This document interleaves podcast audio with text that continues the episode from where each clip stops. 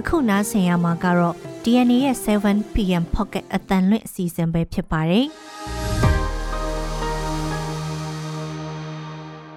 ဒီကနေ့နိုဝင်ဘာလ10ရက်နေ့ရဲ့ pocket အတန်လွင့်အစီအစဉ်မှာတော့ဘင်လယ်ဘူးမြို့ကိုတော်လန်ရေးတပ်တွေထိန်းချုပ်နိုင်ပြီဆိုတဲ့အကြောင်းဟ ோம் မလင်းမြို့နယ်ကအရေးပါတဲ့စစ်ကောင်စီတပ်စခန်းတစ်ခုကိုတော်လန်ရေးတပ်ဖွဲ့သိမ်းပိုက်လိုက်တယ်ဆိုတဲ့အကြောင်းဒီတိမ်မြို့မှာမိုင်းမတော်တဆမှုကြောင့်ကားတစ်စီးပောက်ကွဲတယ်ဆိုတဲ့အကြောင်း ရွေးကောက်ပွဲကနေပေါ်လာတဲ့ပြည်သူဆန္ဒကိုဆက်လက်ထိမ့်သိမ်းသွားမယ်လို့ CRPH ပြောတယ်ဆိုတဲ့အကြောင်း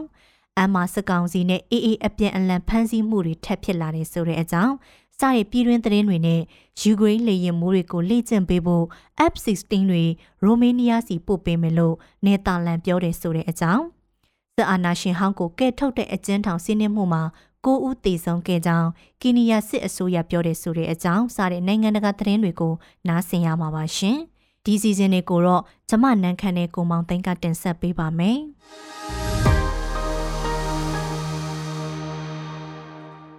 အခုပြည်တွင်းသတင်းများကိုတင်ဆက်ပေးပါမယ်။ပထမအဦးဆုံးသတင်းတစ်ပုဒ်အနေနဲ့ပင်လယ်ဘူးမြို့ကိုတော်လှန်ရေးတပ်တွေထိန်းချုပ်နိုင်ပြီဆိုတဲ့သတင်းကိုပြောပြပေးပါမယ်။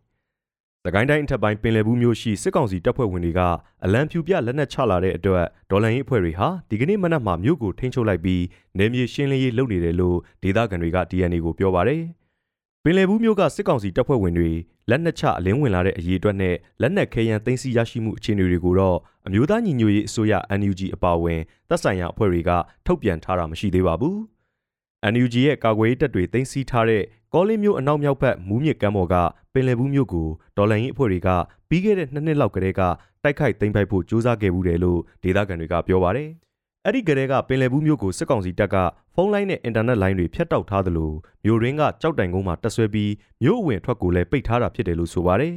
။ကတားခရိုင်ပင်လယ်ဘူးမြို့ဟာအရှိတ်ဘက်မှာဝင်းသူတောင်ဘက်မှာကောလင်းနဲ့ကျွန်းလှ အနောက်ဘက်မှာဖောင်းပြင်နဲ့မြောက်ဘက်မှာဗမောက်မြို့နယ်တွေရှိပြီး2019ခုနှစ်စည်ရင်အရမြို့နယ်လူဦးရေ9500နီးပါးနဲ့ကျေးလက်လူဦးရေ3,000ကျော်ရှိပါတယ်။ပြီးခဲ့တဲ့နှစ်နှစ်ကျော်လောက်ကတည်းကပင်လယ်ဘူးဒေသခံတွေဟာမြို့ကိုစွန့်ခွာပြီးစစ်ဘေးရှောင်နေကြရတယ်လို့လက်ရှိမြို့ပေါ်မှာလည်းလူဦးရေ900ကျော်လောက်သာရှိတော့တယ်လို့ဒေသခံတွေကပြောပါတယ်။ဆက်လက်ပြီးတော့ဟိုမလင်းမြို့နယ်ကအရေးပါတဲ့စစ်ကောင်စီစခန်းတစ်ခုကိုဒေါ်လာရင်းတပ်ဖွဲ့သိမ်းပိုက်တယ်ဆိုတဲ့အကြောင်းကိုပြောပြပေးပါမယ်။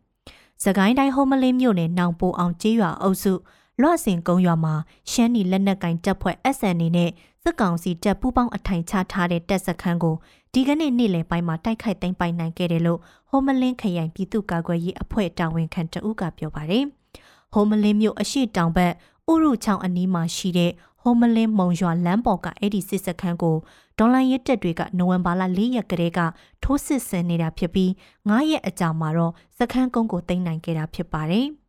စခန်းကုန်းကိုသိမ်းပိုက်နိုင်ခဲ့ပေမဲ့နောက်ဆုံးခုခံတိုက်ခိုက်နေတဲ့စစ်ကောင်စီတပ်ဖွဲ့ဝင်တွေက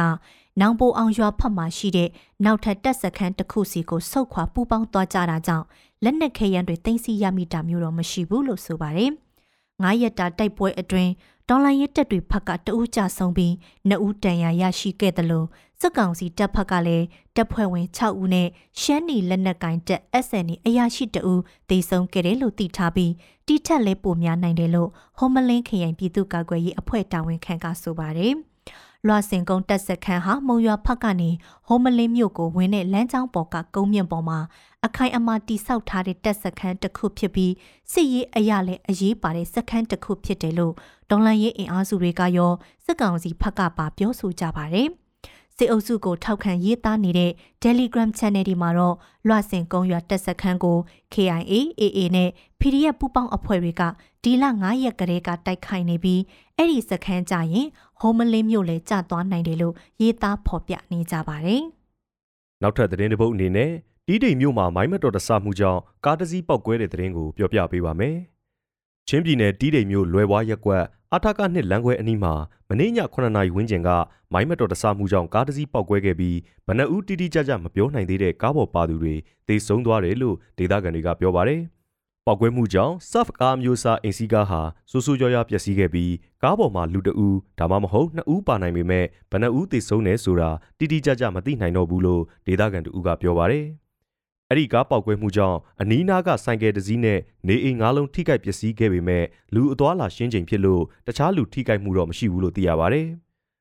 ချင်းပြည်နယ်သတင်းတွေကိုဖော်ပြနေတဲ့ဇီလန်မီဒီယာကတော့ကားပေါက်ကွဲမှုအတွင်းဒီဒိန်အခြေစိုက် People Defense Army ရဲဘော်2ဦးသေဆုံးခဲ့တယ်လို့ဖော်ပြထားပါတယ်။ကားပေါက်ကွဲမှုဖြစ်ပွားတဲ့မနေ့ကညဦးပိုင်းကနေဒီကနေ့မနက်ပိုင်းထိပေါက်ကွဲမှုဖြစ်ပွားတဲ့နေရာကိုစစ်ကောင်စီအဖွဲ့ဝင်တွေလာရောက်တာမျိုးမရှိဘူးလို့ဒေသခံတွေစီကသိရပါတယ်။ဆက်လက်ပြီးပြောပြချင်တဲ့အကြောင်းကတော့ရွေးကောက်ပွဲကနေပေါ်လာတဲ့ပြည်သူ့ဆန္ဒကိုဆက်လက်ထိမ့်သိမ်းသွားမယ်လို့ CRPH ပြောတယ်ဆိုတဲ့အကြောင်းပါ။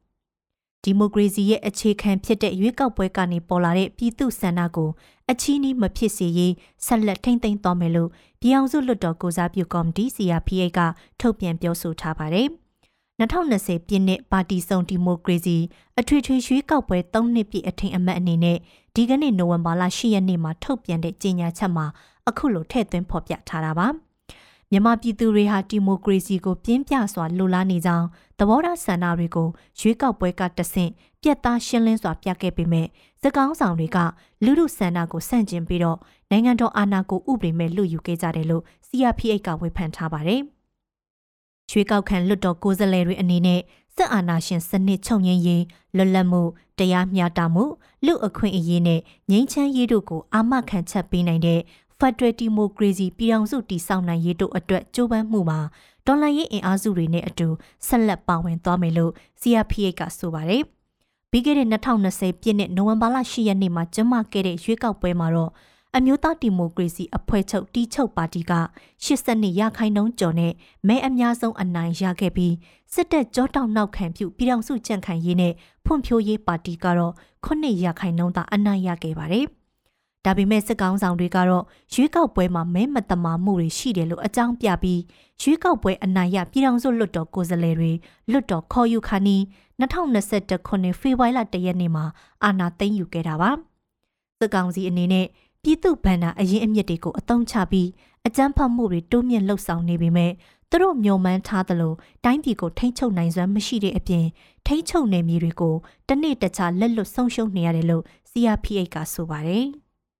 နောက်ဆုံးသတင်းတစ်ပုဒ်အနေနဲ့အမ်းမှာစစ်ကောင်စီနဲ့ AA အပြန်လှန်ဖမ်းဆီးမှုထပ်ဖြစ်တဲ့သတင်းကိုပြောပြပေးပါမယ်။ရခိုင်ပြည်နယ်မြောက်ဦးမြို့နယ်မှာရခိုင်တပ်တော် AA နယ်မြေထဲဝင်ရောက်လာတဲ့ဒုရဲအုပ်အပါအဝင်ရဲတပ်ဖွဲ့ဝင်6ဦးကိုနိုဝင်ဘာလ9ရက်ညနေပိုင်းမှာ AA ကဖမ်းဆီးခဲ့ပြီးစစ်ဆေးမှုတွေပြုလုပ်နေတယ်လို့နှီးဆက်သူတွေနဲ့ဒေသခံတွေကပြောပါတယ်။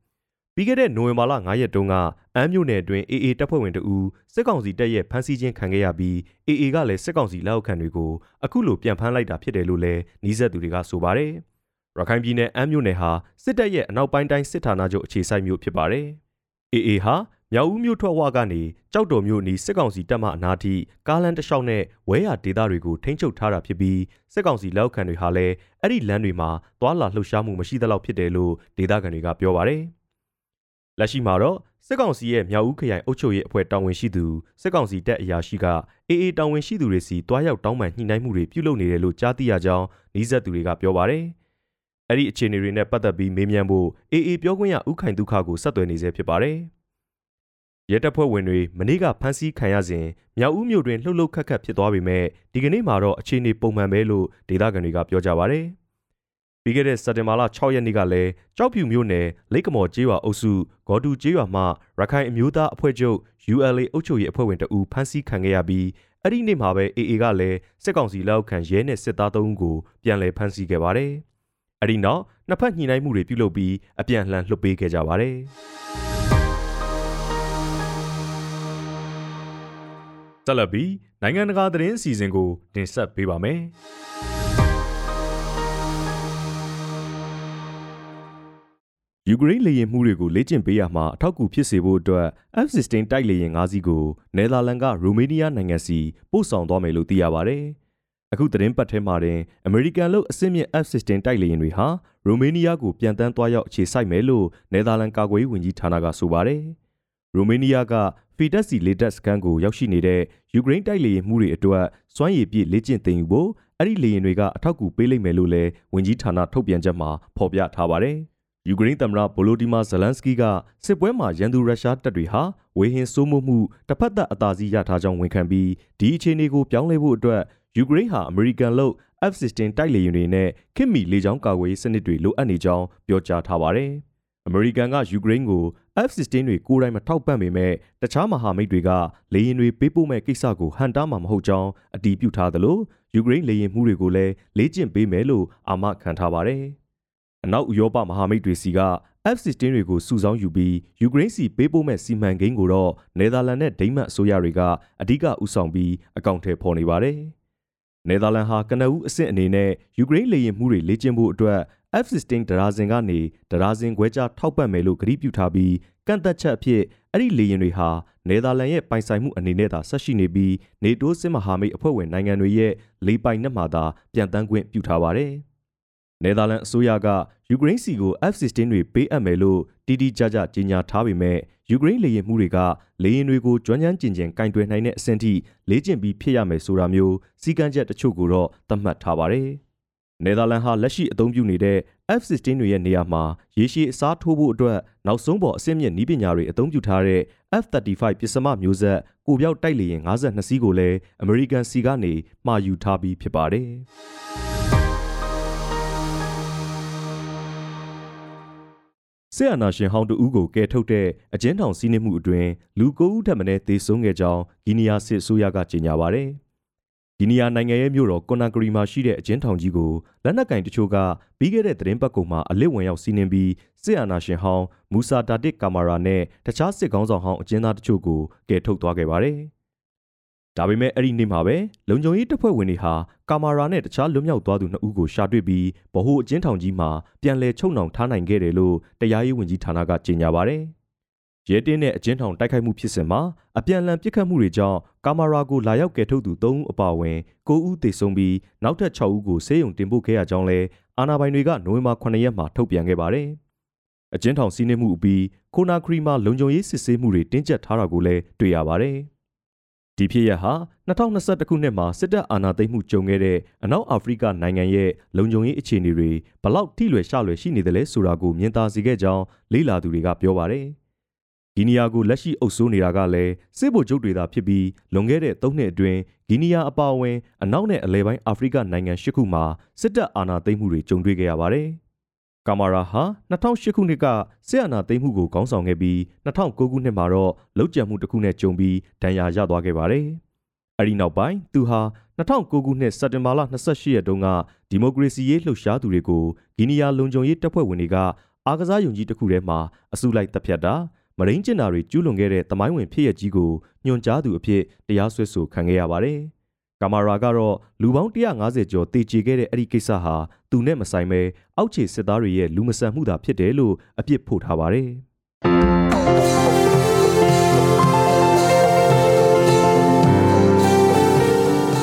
DNA ရဲ့ Pocket အတန်ရင်းအစီအစဉ်ကိုအပတ်စဉ်တနင်္လာနေ့ကနေတောက်ကြနေ့အထိည9:00နာရီတိုင်းမှာတင်ဆက်ပေးသွားမှာပဲဖြစ်ပါတယ်။ဒီအစီအစဉ်ကိုတော့ DNA ရဲ့ Facebook Page ကနေအပြင် Anchor, Spotify နဲ့ Google Podcast တို့တွေကနေတဆင့်လဲနားဆင်နိုင်ပါတယ်ရှင်။